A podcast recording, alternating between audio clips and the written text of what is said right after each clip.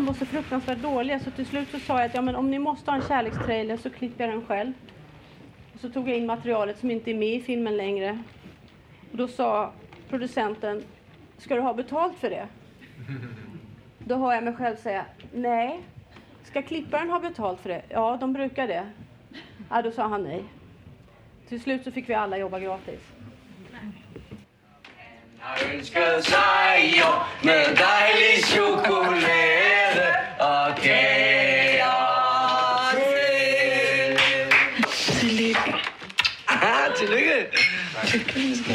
samme, som jeg hele tiden har været. Vi skal bare lige vende os til det her. Det er meningen, jeg skal tilbage. Vi sender ikke hårdt såret tilbage, Thomas.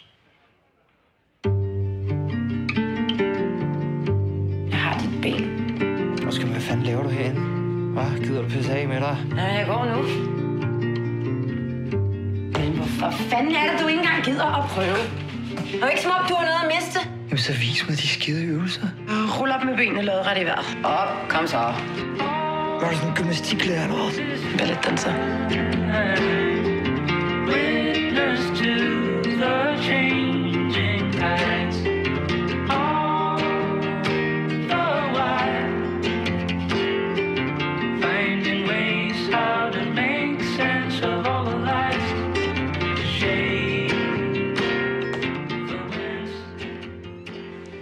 Vildt fint, det du gør med Thomas.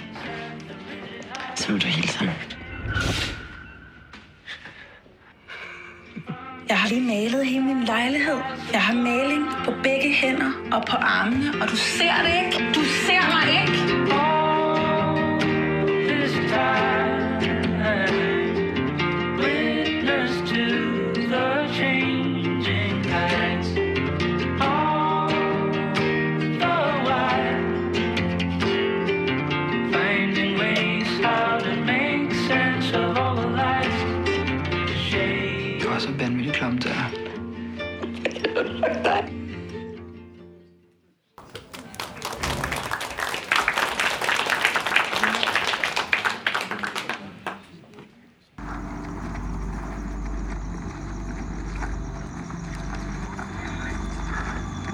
Salam alaikum. Er mellem en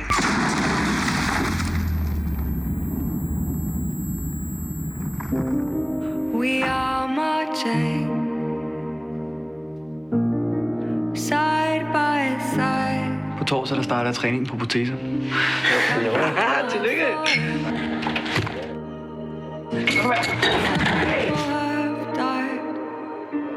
Også vise dig et par øvelser, hvis der er. Gymnastiklærer eller hvad? Balletdanser. Balletdanser skal du ikke tatoveret. Så kan du alle mulige syge ting med din krop. Får du billeder i hovedet? Kan du vise mig noget en dag? Ballet. Ja. Hvis du kommer i stolen, så får du et godt sted at sidde. Og gående. Hej. Strength.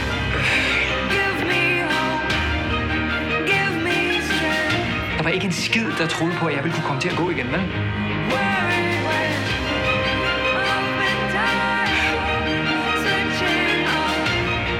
Gider at være sammen med en krøbling.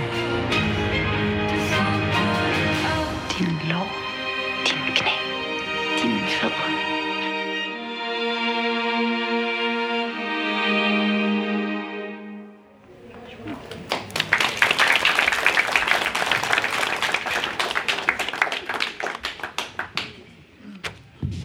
Jag tänker på Roy Andersson som skrev en bok som heter Vår tids rädsla för allvar. Verkligen, men jag tycker också det är så intressant för den första trailern, det läser jag som ett triangeldrama. Liksom att det är det som är, jag vet inte vad ni tänkte.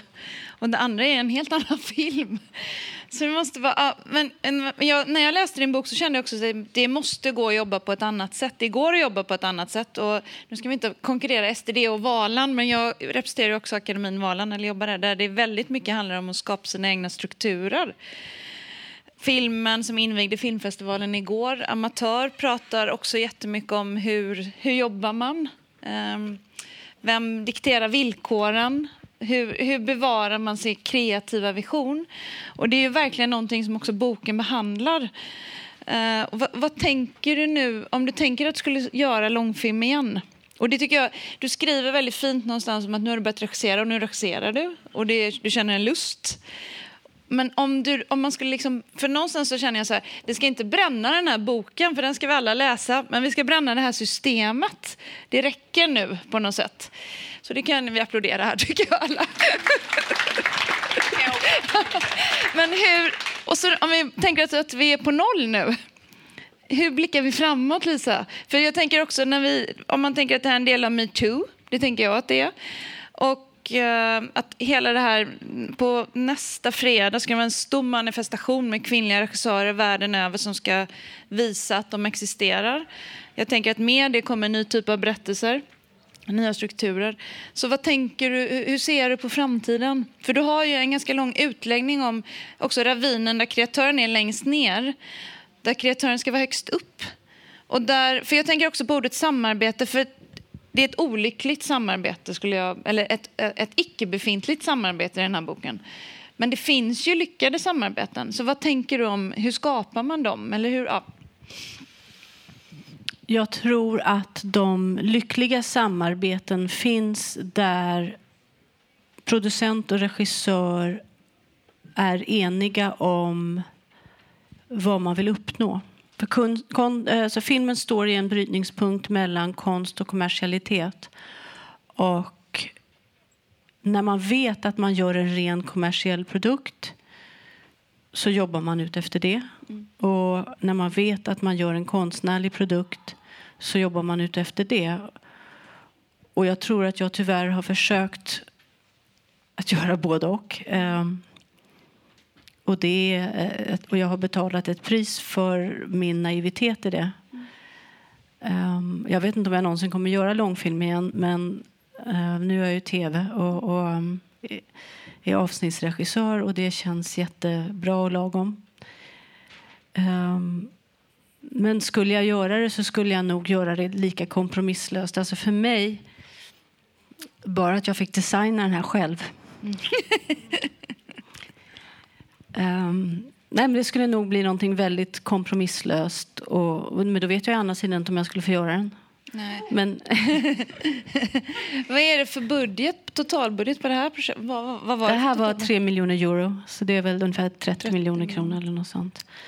Ehm, Alltså det är inte 80 miljoner vi pratar om. Nej, här. nej, nej. nej, nej, nej, nej. Ehm, och, och, jag, och det är inte så att, att jag, jag, jag har förut, alltså jag, min ambition har alltid varit att göra filmer när jag säger att jag vill gå mellan konst och kommers. Vad jag menar med det är att jag har alltid velat göra filmer som når en bred publik. Jag målade förut och kände att jag nådde bara en liten kulturell överklass som var intresserad av tavlor. Och det var inte alls de jag ville... Alltså jag ville prata till de jag växte upp med som inte hade något kulturellt kapital. Och, och, och jag älskar när man sitter i en salong och det finns människor från alla samhällsskikt som alla samlas kring en gemensam upplevelse. Det är det som är bio för mig. Och därför har jag velat göra filmer som på något sätt, ett sätt är lättillgängliga men ändå behandlar stora humanistiska och filosofiska frågor. Men, men ehm, och det, och det handlar mycket om den vandringen som konstnär man gör. Man, man tror att man gör det och sen upptäcker man att den släpps i fyra kopior och ingen vill se den. Eller ingen har möjlighet att se den framför allt. Och då, då vill jag bara säga så här, det går att se Lisas film på SF Anytime, på iTunes, på Svefilm, det ska man kanske inte göra reklam för, men... Ja, det går att ladda ner den illegalt, Svefilm och Dreamfilm. Men det finns också, vad var det för ställen Peter? du hade- vill. Och Playmo finns den på. Men som man kan hyra. Precis. Och sen, eh, för jag tänkte vi skulle släppa in publiken, men jag vill också säga att boken säljs på eh, Adlibris och Bokus, men också här bak på eh, festivaldisken. Och SDDH kommer sälja den på sin hemsida också. Eh, men jag tycker Men köp den gärna här, för här tjänar jag en liten, liten slant på det också. Och jag har i princip jag har inte fått något betalt för skrivprocessen. Så jag blir glad när det kommer in lite, Ja, det är lite också pengar. man, det är inte eh, bara minus i mitt, min firma. Nej, men det är också någonting man verkligen får syn på hur mycket oavlönad arbetstid det är för den som driver visionen då. Nu vet jag inte hur mycket din producent hade i snittlön men, men eh, det- är ju extremt mycket, gott. ja, extremt mycket obetald arbetstid. Ehm, men jag tänkte just med att släppa in publiken. Men jag vill också säga, för jag är väldigt mycket för nu hur vi ska vända de här negativa tankegångarna. Eh, och då en väldigt fin grej tycker jag att Peter Hiltunen här, som också initierat det här samtalet, var den svenska samproducenten på det här projektet. Och för mig är det väldigt fint att, vi, liksom, att du har bjudit in Lisa till det här. Och det känns väldigt hoppfullt för framtiden. Ja, nej, men jag vill verkligen tacka dig Peter. Ja. När Peter ringde mig och pratade om en annan grej, en regikurs och han berättade att han inte längre jobbar som producent så satt jag på Arlanda en tidig morgon och skulle väl åka någonstans och slängde ur mig frågan Peter, jag har skrivit en bok. Ehm, skulle du vilja läsa? Det kanske skulle vara något för Kulturakademin. Och så tänkte jag att ja, det får bära eller brista för att jag har verkligen försökt att skriva en bok som inte hänger ut utan problematiserar min egen roll och maktstrukturer. Och jag, ingen gör någonting för att vara dum. Man gör saker för man är tränad i ett system. Och som man säger i Danmark, går det så går det. Och vissa beteenden har gått och så gör, fortsätter man att göra det. Um, och jag tror att jag skrev den här för ett år sedan innan metoo. Och, och det är egentligen så det visar bara att vi alla blev magsjuka samtidigt och har kräkts kollektivt nu. Men i alla fall så vill jag bara säga att Peter ringde tillbaka och sa jag vill gärna jobba med den och det var extremt helande. Tack. Har vi några frågor eller tankar eller reflektioner från publiken? Kom igen nu. Ja. Eh, Ja, en mick där kanske till. Du kan då prata. Jag upprepar den. Ja, Agneta fråga. Nej, Jag bara tänker, är, är det så enkelt så att det är, så att säga, skulle, är det lättare att jobba med en kvinnlig producent till exempel? Frågan är alltså om det är lättare att jobba med en kvinnlig producent. Det är en Superintressant fråga. Nej, det är inte så enkelt. För att vi är alla del, vi är alla del av den här maktstrukturen. Det finns... Jag tror att det handlar jättemycket om att hitta en människa som har samma ambitioner och samma åskådning som en själv och verkligen och våga formulera från början vad är det vi vill uppnå. Vilka strider är vi beredda att ta för den här filmen? Det finns eh, alla vi som lever i branschen vet att det finns jättebra samarbete med män och jättebra samarbete med kvinnor och det finns förfärliga med män och med kvinnor. Däremot så tror jag att det har ju kommit väldigt många kvinnor som unga producenter nu och jag tror att unga människor överlag ifrågasätter maktstrukturer på ett otroligt sunt sätt. Jag har ingen fråga, det är bara... Den andra trailern var mycket bättre, det är väl bara det jag vill säga. Den andra trailern var mycket bättre, eller hur? Och det är någon fransk trailerklippare som jag inte anar vem det är. Ehm, Det var också väldigt intressant att när filmen skulle släppas i Danmark så fanns det ingenting att skriva om för jag var ju svensk och det var ju så ointressant. Ehm, när den släpptes i Frankrike så hade jag långa telefonintervjuer med varenda stor fransk tidning och jag bara förstod att film är en konstart där. De är brännande intresserade av filmer som belyser till exempel ett sådant problem med unga män som kommer hem amputerade och blir veteraner som är något som inget samhälle vill ha. Jag har fyra ex av DVD. Om det är någon som har kvar sina DVD-spelare så jag gärna säljer här. Jag tänkte för priset av ett billigt glas vin så kan man köpa så här, vad är det? 60 spänn kan vi säga. Men jag tänkte på en grej som vi pratade om förut här. Att, att filmen blev ju utvald att tävla här på Göteborg Filmfestival i den här, som vi alla här i Göteborg i alla fall, extremt stolta över, Nordic Dragon Award. Och att distributören faktiskt sa nej. Så kan inte du berätta lite om det? För det är också helt obegripligt att det, att det pågår en sån här maktkamp då. Alltså, Göteborg eh, ligger mig enormt varmt om hjärtat. Min första kortfilm visades här. um, och jag fick liksom på något sätt mitt stora genombrott här på Göteborg.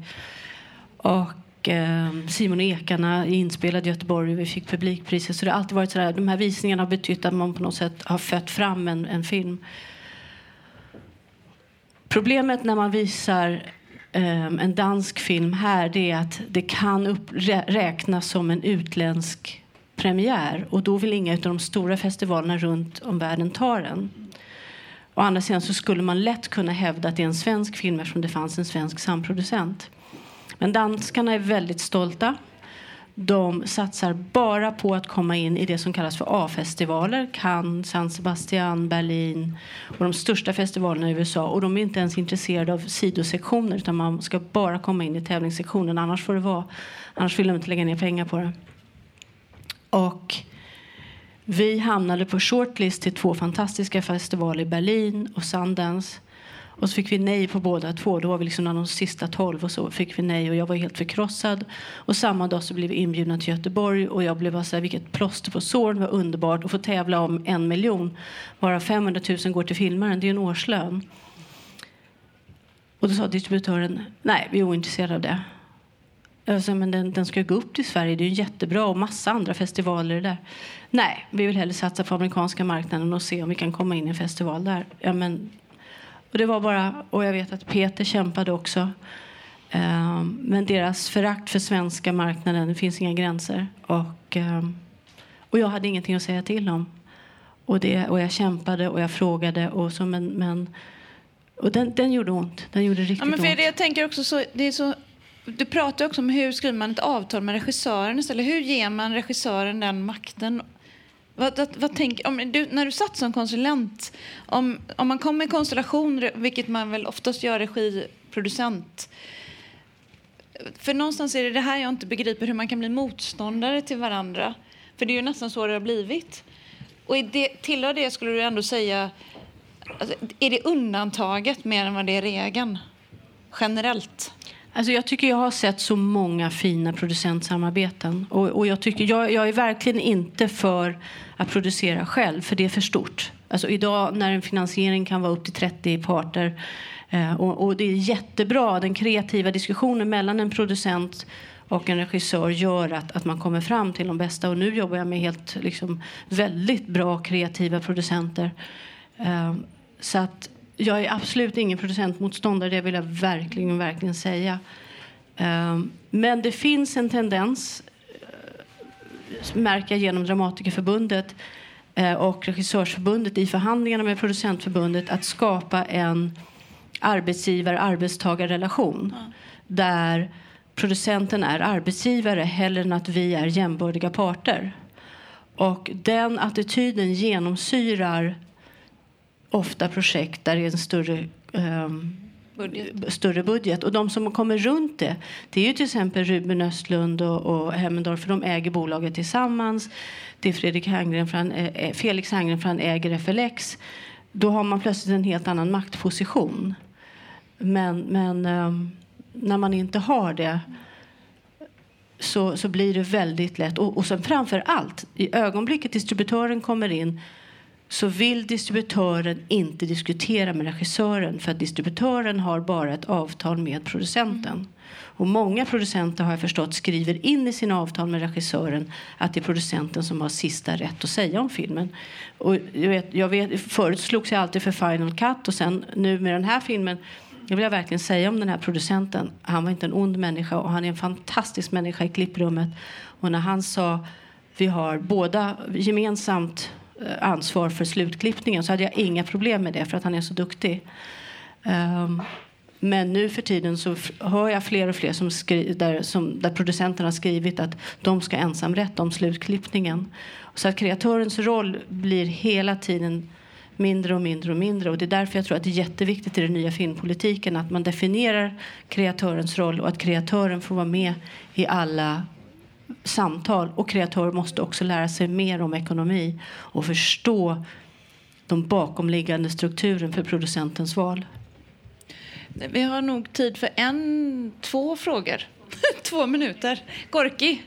Jag undrar nu när Filminstitutet ska ha lågbudgetfilmsatsning, vad du har för eh, Nu när Filminstitutet ska ha lågbudgetsatsning, vad Lisa har för... eh, erfarenhet eller åsikter om Vad har du för åsikter? Lågbudgetfilmer. Det är jättesvårt. Å ena sidan så tycker jag det är en fantastisk möjlighet för folk att få göra sina första filmer. Å andra sidan så har folk alltid lyckats göra lågbudgetfilmer och det är ett jävla sätt att utnyttja folk. Alltså, men, men för att göra sin första film är det fantastiskt. Men du kan inte leva som filmare på att göra lågbudgetfilmer.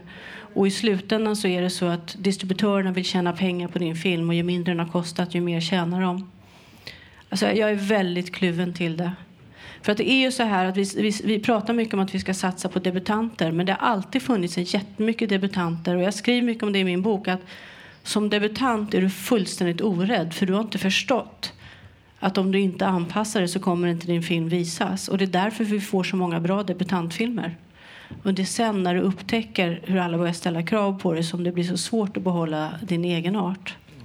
Och jag tycker verkligen, är det lågbudget då ska man ha fullständig konstnärlig frihet också. Ehm, för då tävlar man, liksom, då, då, det, det har man rätt till. Det, liksom, det köper man genom att inte ha kapital. När man har konstnärlig frihet så vet man inte exakt. Alla de här formulären tvingar en att bestämma en massa saker som kanske inte är redo att bestämmas. Har vi tid för sista frågan? Nej, det har vi inte. Men vi har Lisa här om ni vill fortsätta prata med henne efteråt. Och vi har boken. Och eh, ja, tack så mycket Lisa. Tack så jättemycket för att ni kom. Tack.